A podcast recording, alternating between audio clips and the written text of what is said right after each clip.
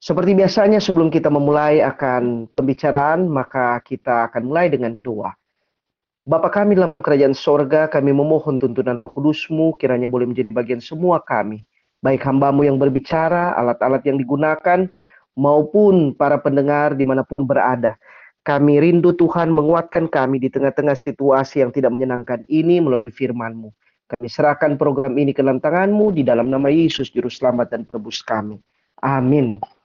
Baik, saudara-saudara para pendengar setia Radio Good News di mana pun Anda berada, kembali siang hari ini saya ingin menyampaikan firman Tuhan. Dan untuk beberapa hari, mulai dari saat ini sampai beberapa hari ke depan, kita akan membicarakan empat tokoh dari empat generasi yang berasal dari garis keturunan yang sama. Yaitu dimulai dengan Abraham, kemudian besok kita akan membicarakan Ishak, lalu hari berikutnya tentang Yakub dan pada hari Jumat nanti kita akan membicarakan tentang anak dari Yakub salah satunya yakni Yusuf.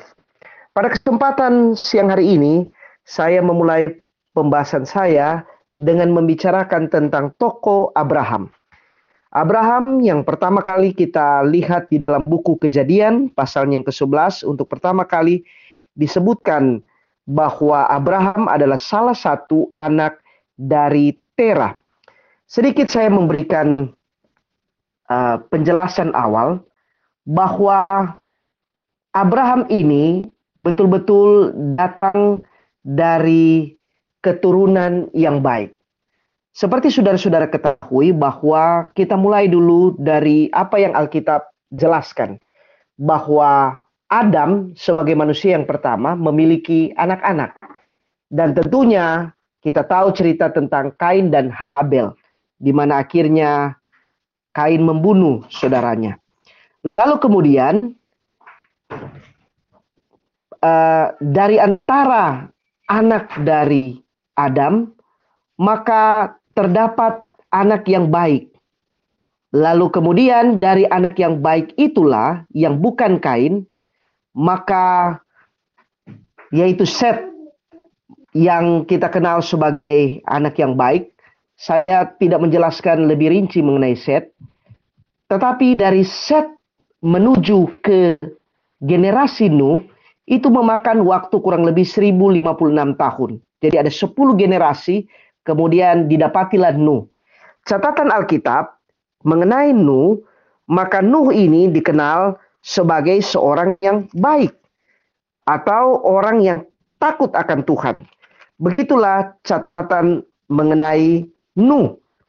Di dalam kejadian pasal 6 ayat 9 katakan Nuh adalah seorang yang benar dan tidak bercelah. Nah, kita tahu bersama bahwa Nuh memiliki anak. Berapa anaknya itu adalah Sem, Ham, dan Yafet. Nah, kita tahu bahwa salah seorang dari anak dari Nuh, yaitu Ham dan Kanaan, adalah anak yang tidak baik. Karena kita tahu kasusnya ketika ayah mereka Nuh mabuk, kemudian justru Kanaan dan Ham ini menertawakan akan ayah mereka. Lalu di antara anak dari Nuh ini, maka Semlah anak yang baik. Jadi dari garis keturunan Adam menuju ke Nuh, maka Nuh ini adalah anak keturunan dari Set, anak yang baik. Kemudian dari Nuh menuju Abraham, maka Nuh atau Abraham itu datang dari salah seorang anak yang baik yaitu Sem.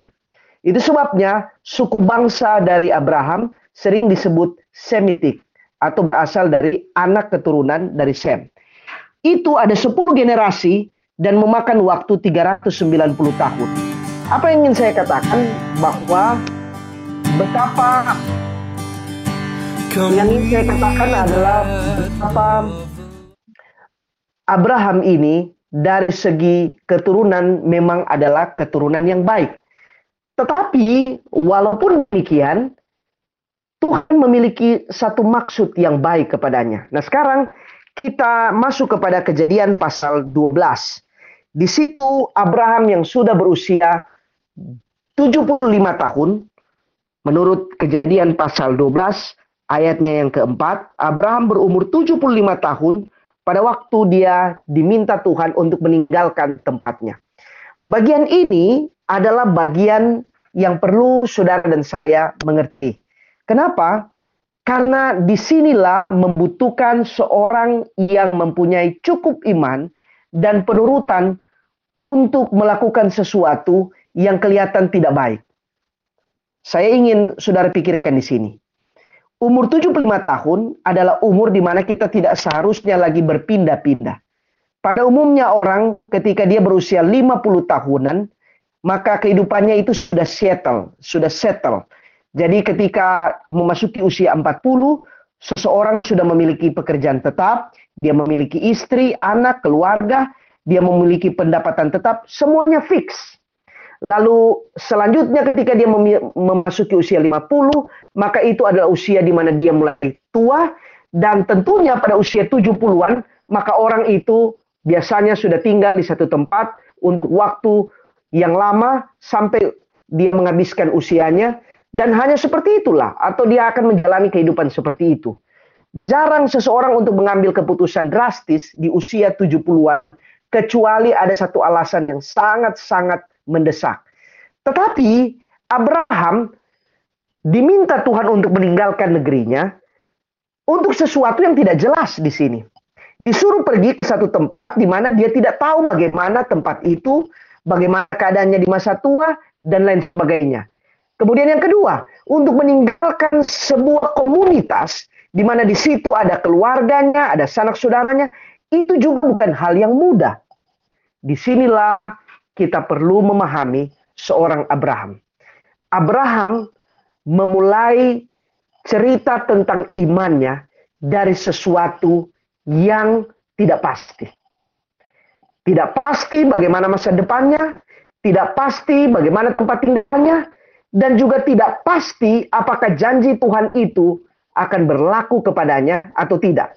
Ingat, salah satu yang Tuhan sampaikan adalah keluarlah kamu dan aku akan menjadikan engkau menjadi bangsa yang besar melalui keturunanmu. 70-an, istri 60-an, bagaimana mungkin mereka akan punya anak? Dan apalagi disebut akan menjadi bangsa yang besar. Tapi di situlah awal seorang Abraham yang dikenal dengan bab beriman menunjukkan siapa dirinya. Lalu kemudian kita tahu selanjutnya bagaimana mereka harus menunggu pada waktu lama. Dan akhirnya terdapatlah anak yaitu Ishak.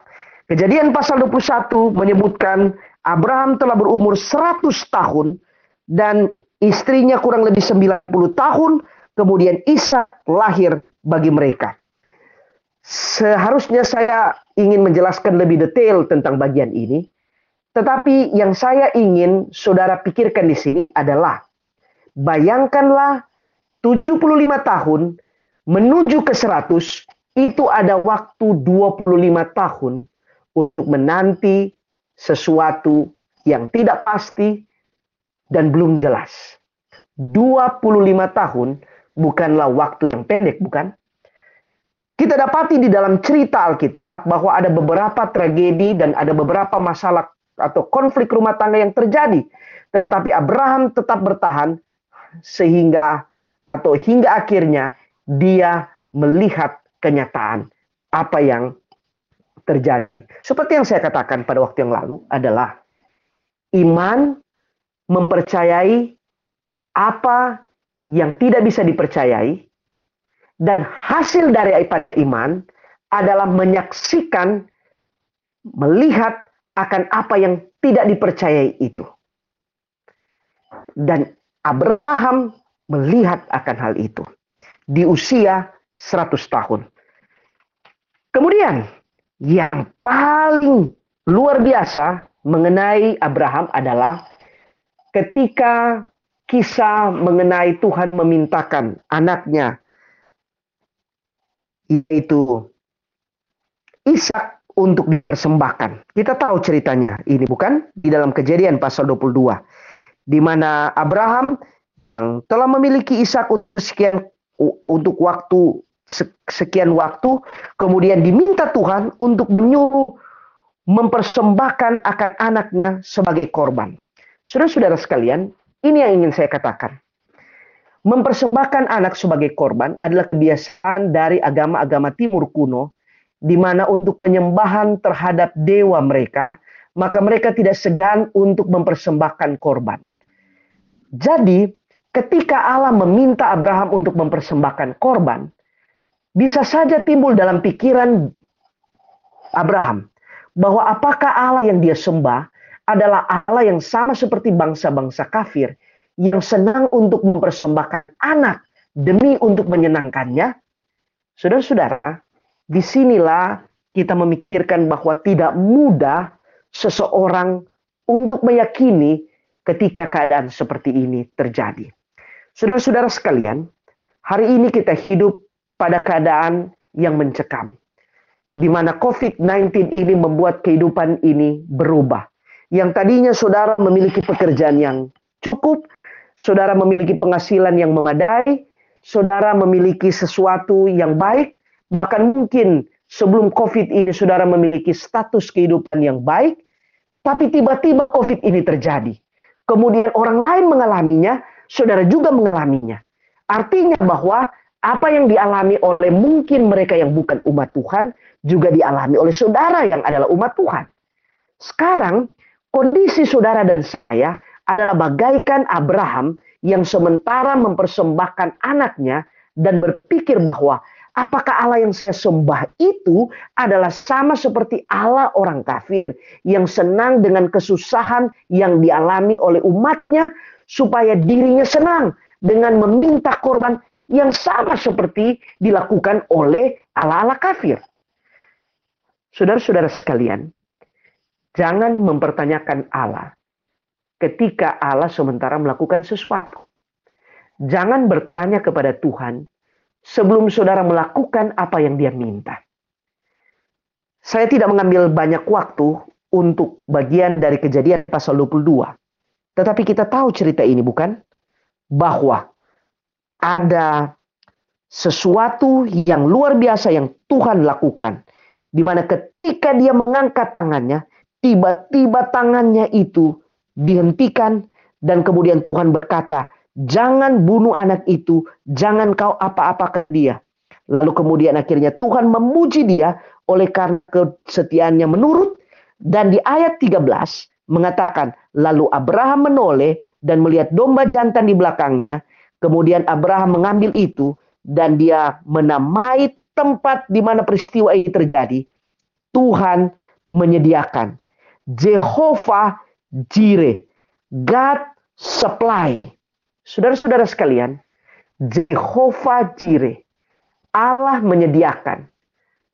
God will supply. Allah akan memberikan. Ini semua terjadi setelah penurutan yang ditunjukkan oleh Abraham. Saudara-saudara sekalian, memang gampang untuk menyebut orang beriman. Tetapi proses untuk menuju sebagai orang beriman membutuhkan waktu, membutuhkan penurutan, membutuhkan kesetiaan, membutuhkan kesungguh-sungguhan hati untuk meyakininya. Saudara-saudara sekalian, pada kesempatan siang hari ini, saya ingin menutup dengan satu kisah. Kisah ini terjadi di Eropa pada hampir 100 tahun yang lalu. Seorang anak di Jerman yang pada waktu kecilnya dia melihat bagaimana para pemimpin gereja berdiri, para pendeta berkhutbah dengan begitu baik dan menguatkan. Maka timbullah cita-cita di dalam dirinya. Satu waktu saya akan menjadi seorang pendeta evangelis yang bermanfaat untuk pekerjaan Tuhan. Dan kehidupan berjalan. Anak ini diberkati dengan kemampuan berbicara yang hebat yang bisa memukau orang. Tetapi ketika dia dewasa, dia berubah sikap. Dia berubah dalam apa yang dia cita-citakan. Setelah dia tergiur dengan berbagai hal yang menyenangkan.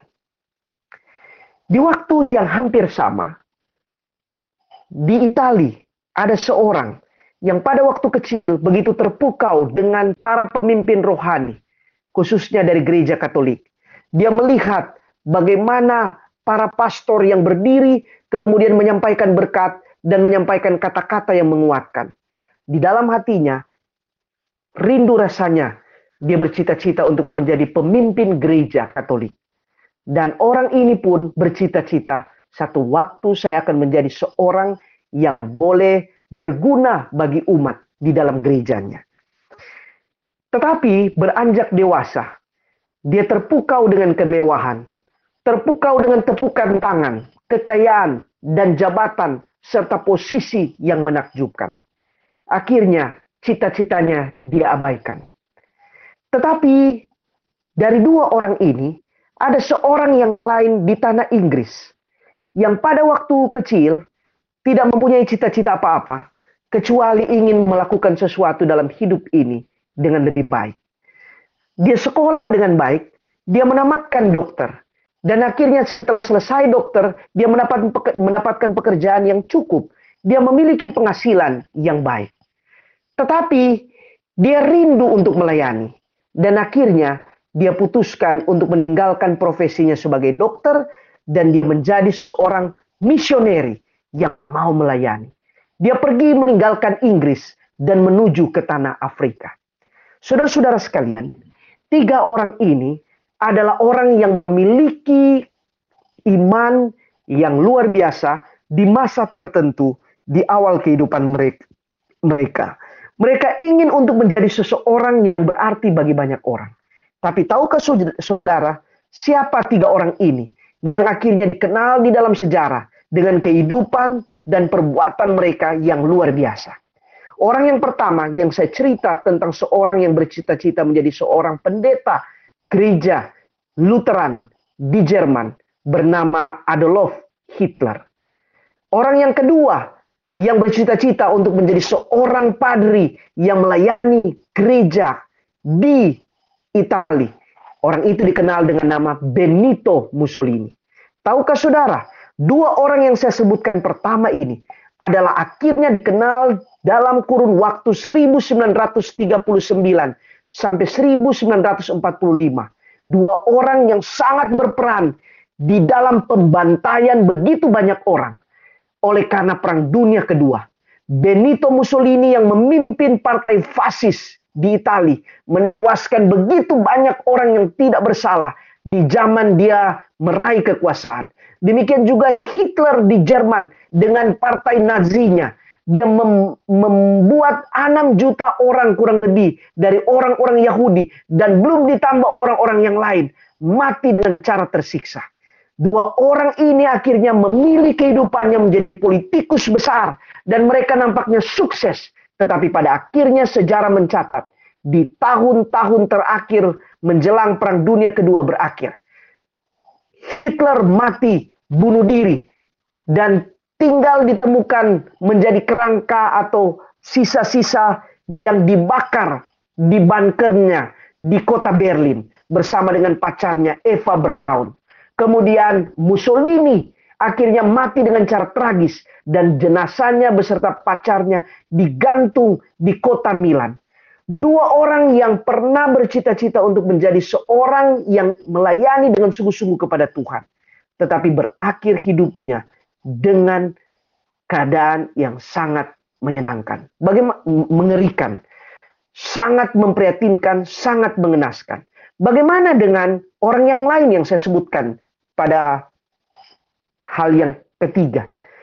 Orang itu yang berasal dari Inggris, yang akhirnya menjadi dokter dunia mengenal orang ini dengan nama David Livingstone yang menghabiskan hidupnya akan mati di daerah Afrika sebagai misioneri yang susah dan mati karena penyakit.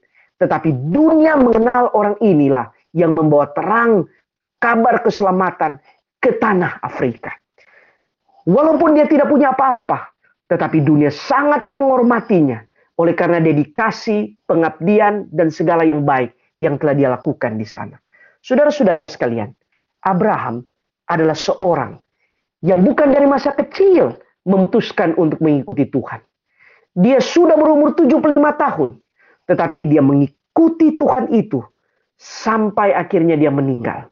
Saudara-saudara sekalian, Abraham betul-betul memikirkan tentang Tuhan untuk seumur hidupnya.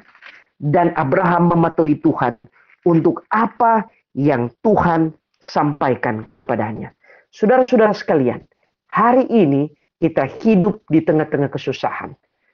Saudara mungkin mengatakan, saya tidak lebih baik dari orang-orang yang lain.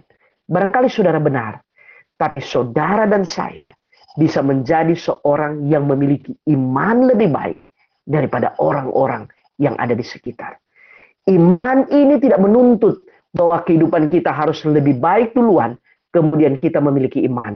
Tetapi iman justru diharapkan ada pada waktu hidup kita menderita.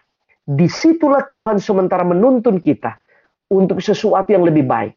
Dan tidak menutup kemungkinan dengan iman yang baik ini, kita tidak hanya dikenal baik, tetapi kita akan menikmati berkat-berkat yang Tuhan janjikan boleh menjadi bagian kita.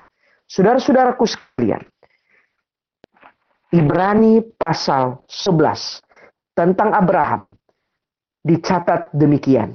Karena iman, maka Abraham tatkala ia dicobai mempersembahkan Ishak yang telah menerima janji itu, rela mempersembahkan anaknya yang tunggal. Walaupun kepadanya telah dikatakan keturunannya berasal dari Ishak lah yang akan disebutkan keturunanmu. Karena ia berpikir bahwa Allah berkuasa membangkitkan orang-orang sekalipun dari antara orang mati. Dan dari sana ia seakan-akan telah menerimanya kembali. Saya ingin menggarisbawahi di akhir dari pembicaraan saya mengenai ayat ini di bagian akhir ia seakan-akan telah menerimanya kembali. Seakan-akan. Seakan-akan adalah sesuatu kata yang belum terjadi. Tetapi kita seakan-akan yakin seperti itu terjadi. Benar seperti definisi iman di dalam Ibrani pasal 11. Iman adalah dasar dari segala sesuatu yang kita harapkan dan bukti dari segala sesuatu yang kita tidak lihat. Saudara-saudara, kita belum melihat COVID-19 ini berakhir. Kita belum melihat barangkali pekerjaan kita kembali normal. Kita belum melihat bahwa kita akan diberi makan cukup. Semuanya mungkin hari ini belum kita lihat. Tetapi iman kita akan menolong kita untuk tidak peduli dengan keadaan sekitar dan tidak menginginkan sesuatu di luar nalar kita kecuali menyerahkan beban ini ke dalam tangan Tuhan. Kiranya Tuhan akan memberkati kita saya ingin menutup doa khusus untuk kita semua, khususnya kepada mereka yang hari ini di dalam keadaan menderita oleh karena situasi yang ada. Bapa di surga, kami berterima kasih untuk berkat yang Tuhan berikan kepada kami sampai saat ini. Kami memohon kiranya Tuhan tidak pernah akan meninggalkan kami, tetapi justru Tuhan akan nolong kami dan memberkati kami. Kiranya Tuhan akan mendengar doa-doa dari setiap umatmu yang mendengarkan akan siaran ini. Di mana pun mereka berada, agar mereka boleh diberkati dengan berkat berkecukupan. Tuhan, walaupun kami tidak mengetahui apa yang akan terjadi nanti, tapi yakinkanlah kami dengan iman kami bahwa Allah sekali-kali tidak pernah akan meninggalkan kami. Buatlah kami untuk merasa bahwa kekuatan kami ada di tangan Tuhan. Dan Tuhanlah yang akan menolong kami pada akhirnya. Terima kasih Tuhan, kami memuji namamu di dalam nama Yesus yang adalah Tuhan dan Juru Selamat kami. Amin. Tuhan memberkati kita semua. Saya bawa dalam nama Yesus. Amin.